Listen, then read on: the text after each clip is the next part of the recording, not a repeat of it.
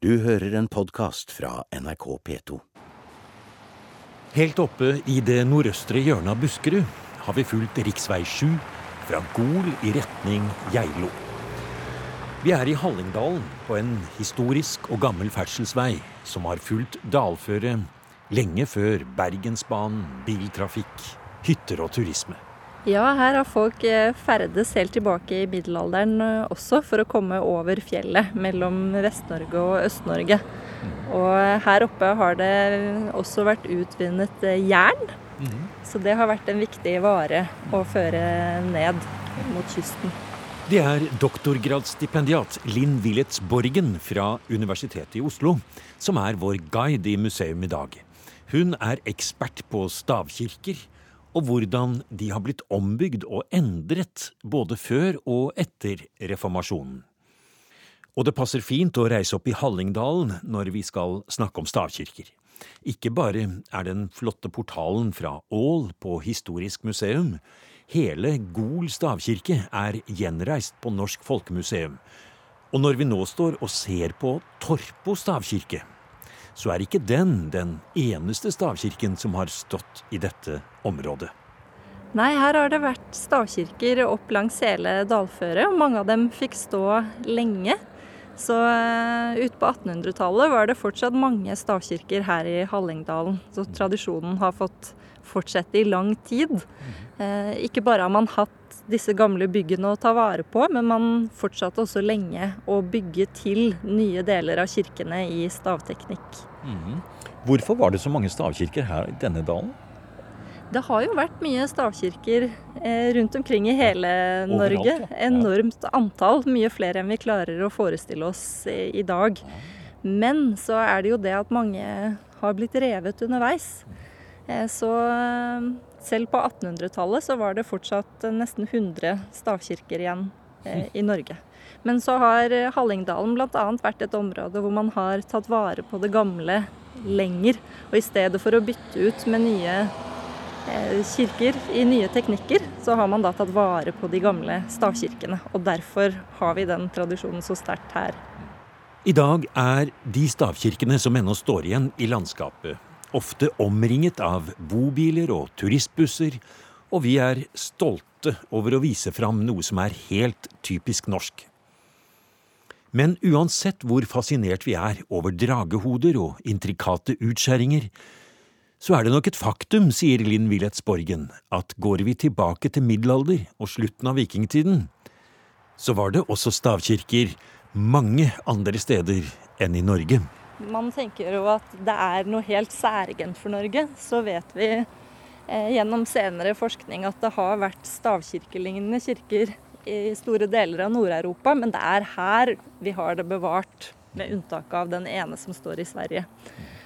Men når det kommer eh, turister for å se på disse kirkene, både eh, norske turister som eh, vil se sin kulturarv i disse kirkene, men også busslaster med turister, så er det jo gjerne fordi eh, stavkirkene representerer noe unikt. Denne byggeskikken i tre som, eh, som blir et symbol på fortiden, men også på en veldig eksotisk fortid. Mm. Men i virkeligheten så er det et symbol på, et eksempel på en byggeskikk som var langt mer utbredt enn Norge. Absolutt. Det har eh, vært sånne typer kirker i Storbritannia f.eks. I eh, Tyskland har man funnet spor, og ikke minst i Danmark har man hatt lignende kirker. Og i Sverige har de altså en stavkirke bevart fremdeles, og også eh, kunnskap om mange andre stavkirker som tidligere har stått der. Så her har det vært et stort materiale. Og eh, det som vi også har mistet helt, det er jo de stavkirkene som sto i norske byer. For vi forbinder jo stavkirkene nå veldig eh, med områder sånn som her hvor man har mye jordbruksarealer og sånt rundt. Man får dette veldig nasjonalromantiske bildet. Men eh, vi vet jo også at det sto stavkirker i Oslo og Bergen og Trondheim. Og hvordan de stavkirkene så ut, det vet vi jo veldig lite om. Men en av de tingene som du har oppdaget i din forskning, Linn, og som du arbeider mye med i din avhandling, det er jo det at stavkirker det har jo ikke bare vært i bruk, men vært eh, vanlig å eh, bygge helt opp til ja, faktisk etter reformasjonen? Ja, man setter veldig ofte en fast grense ved reformasjonen eh, mellom middelalder og det som kalles tidlig moderne tid. Og da er jo stavkirkene en av tingene som sorterer under middelalder, så vi forbinder dem bare med det. Men så eh, viser det seg jo at når man har skullet bygge til nye deler av disse kirkene, så har man kunnet velge mellom laft eh, som byggeteknikk og stavteknikk. Og da er det en del menigheter som har valgt å fortsette å bruke den gamle stavteknikken faktisk helt inn på 1700-tallet noen steder. Og også enkelte kirker hvor man kanskje skulle erstatte en eldre stavkirke, så har man valgt å bygge en ny stavkirke i den gamle teknikken. Se så fint det er her. Nå står vi nedenfor kirken. Vi har et hvitt stakittgjerde foran. En gammel kirkegårdsmur, eller i hvert fall en kirkegårdsmur. Og så ligger den nye kirken bak, den hvite trekirken. Det er jo også en fin kontrast her mellom den nye kirka, som eh, ligger stor og hvitmalt og flott, og dette lille tårnet av den gamle kirka. Og grunnen til at den gamle kirka er så liten i dag, det er fordi koret, altså den delen av kirka hvor alteret sto, den ble revet på 1880-tallet, da man skulle bygge den nye kirka. Og så er det interessant det at man valgte å bruke mange materialer fra det nedrevne koret i stavkirka på nytt i den nye kirka. Så de var med videre. Og så der er det jo også en kontinuitet. Selv om eh, nykirka ikke ble bygget som en stavkirke, så tok man med seg stavmaterialene videre.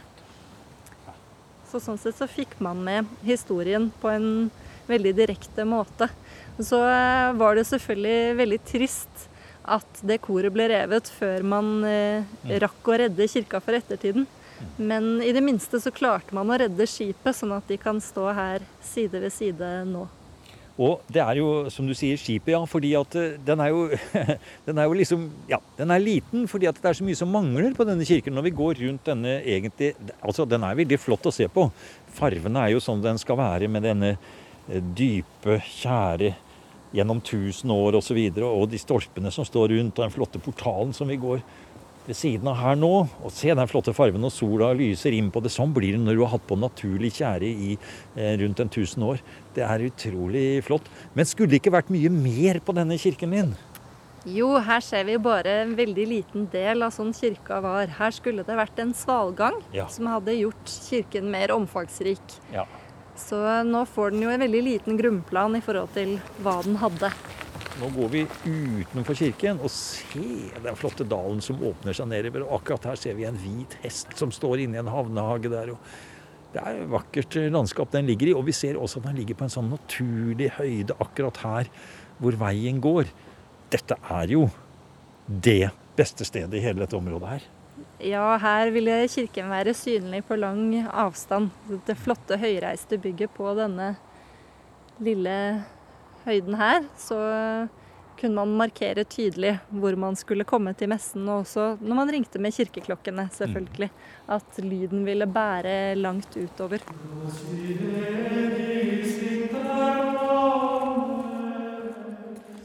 Det er Fortidsminneforeningen som eier Torpo stavkirke. Og de holder den åpen for publikum i hele sommersesongen. Omviser Ingebjørg Trageton tar med seg nøklene og tar oss med bort til den flotte stavkirkeportalen som overvelder oss med innviklede planteranker, drager og symboler. Og selv for kunsthistoriker og doktorgradsstipendiat Linn Willets Borgen er det like mange mysterier som forslag til forklaringer på ornamentikken. Det er jo et mysterium eh, for oss mye av det som ble laget i stavkirkene. Men eh, sånn som disse dragene vi ser her i portalen, de har eh, vinger. Og dette er en europeisk form for drage. Så i motsetning til urnesdyret, som er en annen type dyr, så har vi her noe som man kan knytte også til kristne kirker nedover i Europa, hvor man finner lignende type motiver. Så eh, selv om eh, her ser vi ikke kors og, sånt med det samme, så knytter det likevel an til en tradisjon som man også finner andre steder. Ingebjørg, når du møter turister her, for du er guide her, og du tar med deg busslast på busslast inn her Det første de ser og møter, det er denne spesielle portalen og denne kunsten. Da tenker de sikkert at det er vikingekunst og sånn, tenker de da. Men hvordan forklarer du dette her når turistene spør hva er dette? Ja, den som visste det. Men jeg tror vi skal bruke litt fantasi. For her på Tørpo så starta alt ifra dette å åpne drakemunnen. Og alle henger med huvu. Der blir det foreslått hund, ulv, drage, slange. I år hadde jeg ei dame fra Holland. Nei, det er en tulipan. Så OK, bruk fantasien. ja, det ligner litt på tulipanen, gjør det. Ja. Og jeg bruker å si at vi har Sigurd Fovnesbane. Tyskerne har Nibelungen Lied. Kampen med Dragan. Det gode imot det vonde. Det var ikke noe dårlig forklaring, det, Linn. Det, var jo, det får i hvert fall fantasien i gang for turistene som kommer hit. Ja, så er det jo noe med stedet der vi står også, med døråpningen inn til kirken. Mm. For da har vi verden utenfor og verden innenfor. Og det er jo nettopp eh, innenfor at vi finner det gode. Så her i, i døråpningen så finner det jo alltid sted en kamp mellom det, det gode og det onde. Men nå skal vi gå inn. Der går den store nøkkelen opp ned, inn i låsen. Originalen henger inne. Jaha. Nå kommer en Tor med hammeren, tenker jeg. Ja, der, ja. Så åpner vi døra, så går vi inn over dørstokken her. Den er slitt. Ja. Har du sett på noen gull?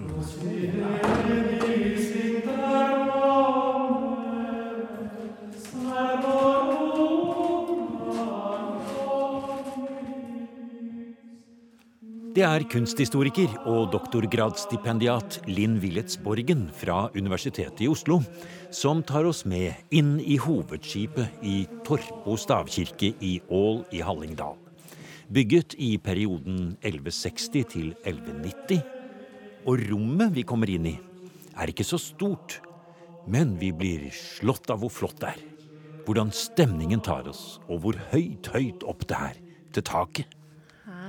Har vi et veldig flott kirkerom i seg selv. Man får eh, virkelig følelsen av hvor høyreist det er når man kommer inn, for her er det ikke Man må legge hodet helt bak, sånn må stå med nakken helt sånn bøyd her og se oppover. Ja. Her er det ikke noe indre himling som sperrer sikten, så her ser man helt opp til mønet. Det som virkelig lyser mot oss med en gang, det er jo denne fantastiske malte baldakinen som vi skal komme til om ikke så veldig lenge. Men la oss først se litt på selve kirkerommet. Det er stavene, eller de store søylene, som står langs sidene og kortsidene. Si litt om dem. Det er jo grunnen til at vi kaller disse kirkene for stavkirker. At de har disse søylene av tre som eh, bærer hovedvekten i konstruksjonen. Det har vært en del av den norske terminologien helt siden eh, middelalderen. I Sverige så er det veggplankene de kaller stavene, faktisk. Mens her i Norge så er det disse søylene av tre. Og man finner fire sånne søyler i hjørnet av bygningen, men her har vi også frittstående staver. Én, to, tre, fire, fem på hver side. Her er det et kirkerom som er noe særeget eh, ved å være en stavkirke, men samtidig så peker det videre på basilikakirkene av stein i Europa. For her har vi som søyler med kapiteler. Alt er laget av tre her, men likevel så peker det mot eh, disse basilikaanleggene. Over oss er det også et slags buet tak midt i kirkerommet. Med en rik utsmykning av malerier med bibelske motiver. Det kalles baldakinen, og var en gang den fargerike himmelen over, en plattform som har gått på tvers gjennom hovedskipet. Der vi står og beundrer maleriene, og forsøker å tenke på hvordan det kan ha vært her, midt på 1200-tallet, ser vi også ned på de voldsomt brede gulvbordene i hele rommets lengde, og tenker på den enormt store urskogen som en gang har vokst i Hallingdalen, og som har gitt virke til disse massive plankene. Og det ville ikke ha vært noe problem å smugle ned en liten mynt mellom sprekkene hvis noen i menigheten ville gjøre det. Nei, her er det ganske store sprekker mellom gulvbordene også. Så eh, her hadde man kunnet gjøre en sånn liten ofring. Men, men, er det funnet mye mynt akkurat her i denne kirken? Eh, det er det. Det er store myntfinn eh, her. Særlig i dette området forrest i skipet ble det funnet en del mynter. Så det finner man i mange av stavkirkene, men dette er en av dem hvor man har gjort mange myntfunn. Men så var det lektoriet, eller plattformen, som en gang gikk tvers over kirkerommet. Og det er vel ca. to meter over eh, gulvnivået her. Ja, Rett over hodene på folk, da. Ja, så vi hadde stått under, under den plattformen ja. omtrent. Ja. Eh, og der oppe kunne det være mange slags aktiviteter. Her kunne man eh, kanskje ha holdt preken fra. Man kunne lese tekster i forbindelse med spesielle høytider i kirkeåret. Og så er det også såpass god størrelse, eh, kan man se eh, på den plattformen, at her kan det veldig godt ha vært et alter. For når vi ser dette malte taket over, som er som en bue, som en baldakin over den plattformen, så kan vi se for oss at den har fungert som en alterbaldakin over et alter. Men altså et alter eller et lektorium som tar holdt jeg på å si, halve kirkerommet på en måte. Det er jo en veldig rar konstruksjon. Ja, det er eh, ikke så vanlig faktisk, også man ser på Europa som helhet, at man finner sånne gallerier i små sognekirker som dette så tidlig. For her er vi på 1200-tallet. Mm. Da bygget man til dette galleriet i denne kirken, og det fins veldig få andre bevarte eksempler på. Så her har vi noe virkelig unikt. Og eh, når man valgte å bygge det, så skjedde det ganske sannsynlig omtrent samtidig som man valgte å utvide koret. Så da får de geistlige et mye større kor, og i tillegg så får man dette galleriet som tar en del av skipet. Så her er det ikke menighetens plass som er prioritert, men de rituelle aktivitetene som skal skje i kirka. Ja. Men er det alltid at et sånt lektorium skal ha et kor eller en prest eller mennesker? Kan det også ha vært noe annet som det har stått der, og som det var lagd for? Ja, Hvis vi ser på ordet vi bruker, så bruker vi på norsk lektorium. Og det tyder jo på at man har lest noe derifra. Men hvis vi går til det engelske språket, så kaller de veldig ofte denne type plattformer for roodlofts, altså rodeloft. Og roden, det er krusifikset. Og hvis vi ser opp på disse maleriene ja, vi har her, så ja. ser vi under selve hvelvingen så er det også en eh, bakvegg hvor det er malt noen figurer. Og der ser vi eh, for det første jomfru Maria som mm. står og gråter. Og så ser vi litt til høyre for henne. Der ser vi Johannes. Og så ser vi også figurer som skal forestille kirken og synagogen. Synagogen, ja. ja. Og så har vi helt øverst da to engler med røkelseskar som ha. svinger over denne scenen. Ha. Og det man med veldig stor sikkerhet da kan si, er at her har det vært et krusifiks. For det som mangler i denne komposisjonen, det er Jesus, den korsfestede Jesus. Og det er derfor jomfru Maria gråter, fordi hun står ved foten av korset. Og det er også derfor disse englene så dette, denne fantastiske teaterscenen hadde nær sagt fra den teologiske historien som vi står og ser på her fra middelalderen, med den fantastiske baldakinen hvor farven er ganske intakt, hvor det er tydelige malerier, og det stiger fram i rødt og blått og grønt og andre farver som vi ser her er laget, det var kanskje for å lage en ramme rundt korset. Ja, korset var der bestandig, og det ville jo være noe som hadde en stor plass i menighetens religiøse liv også. Og selvfølgelig når de da kom inn døren som vi har bak oss, så ville det første de så, det ville være krusifikset som hang der oppe. Og de ville også se på sammenhengen mellom den korsfestede Jesus, fremstilt i krusifikset, og Kristus i majestet, som er malt rett over. For her har vi to eh, sider av historien. Både den menneskelige Jesus som ofrer seg for menneskenes frelse, men vi ser også den himmelske Kristus, eh, som eh, da selvfølgelig er det vi alle venter på, dommens dag, når den endelige frelsen kommer. Så her pekes det både bakover i tid mot den historiske korsfestelsen, men også fremover i tid mot frelsen som skal komme. Hvis vi tenker oss nå, Linn, at dette lektoriet, som er en del av en rituell teologisk arkitektur, det er en del av opplevelsen av kirkerommet.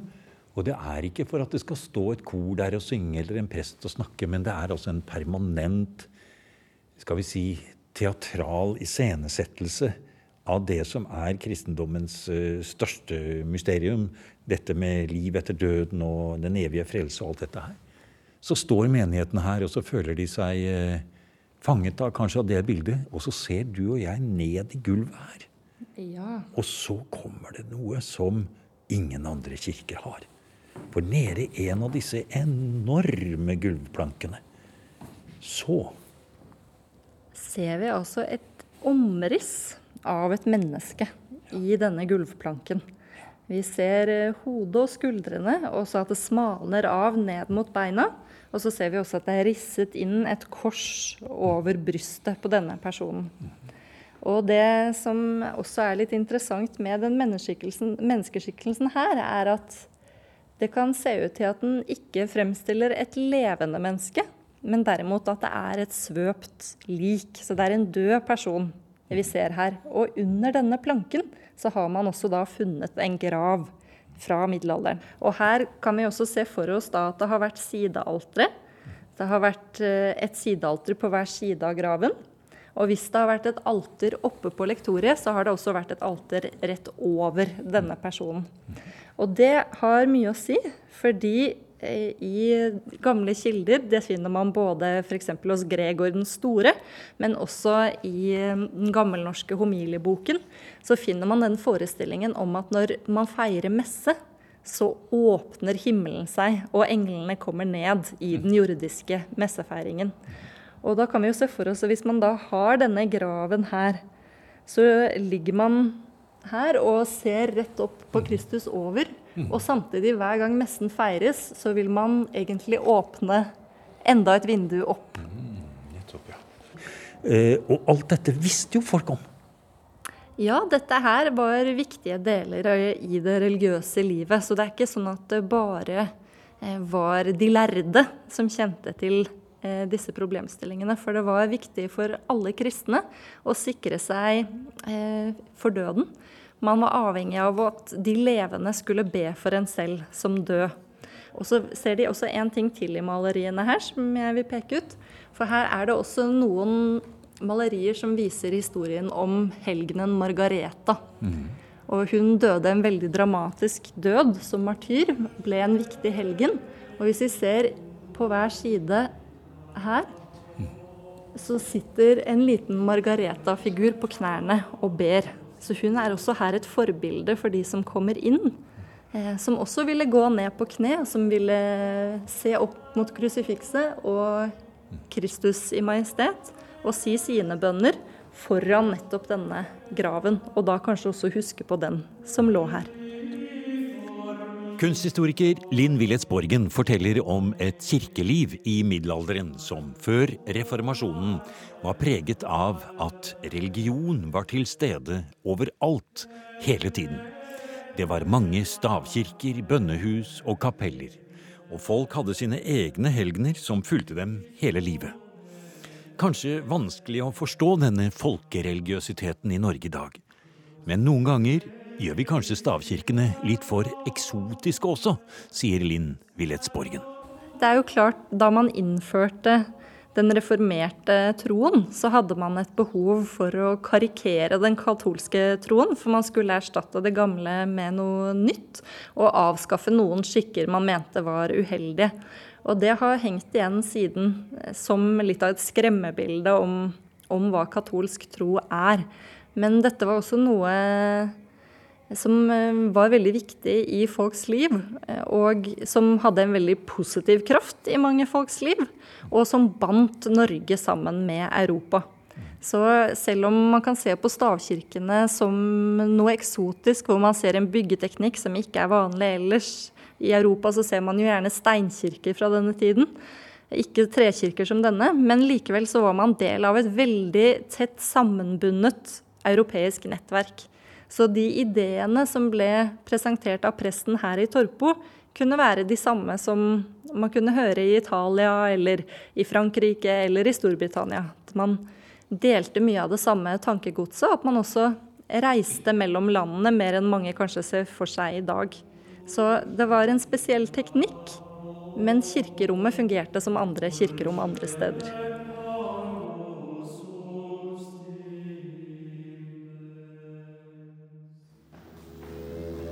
Du har nå hørt en podkast av programmet Museum fra NRK P2. Og send gjerne en e-post til museum.krøllalfa.nrk.no. nrk.no.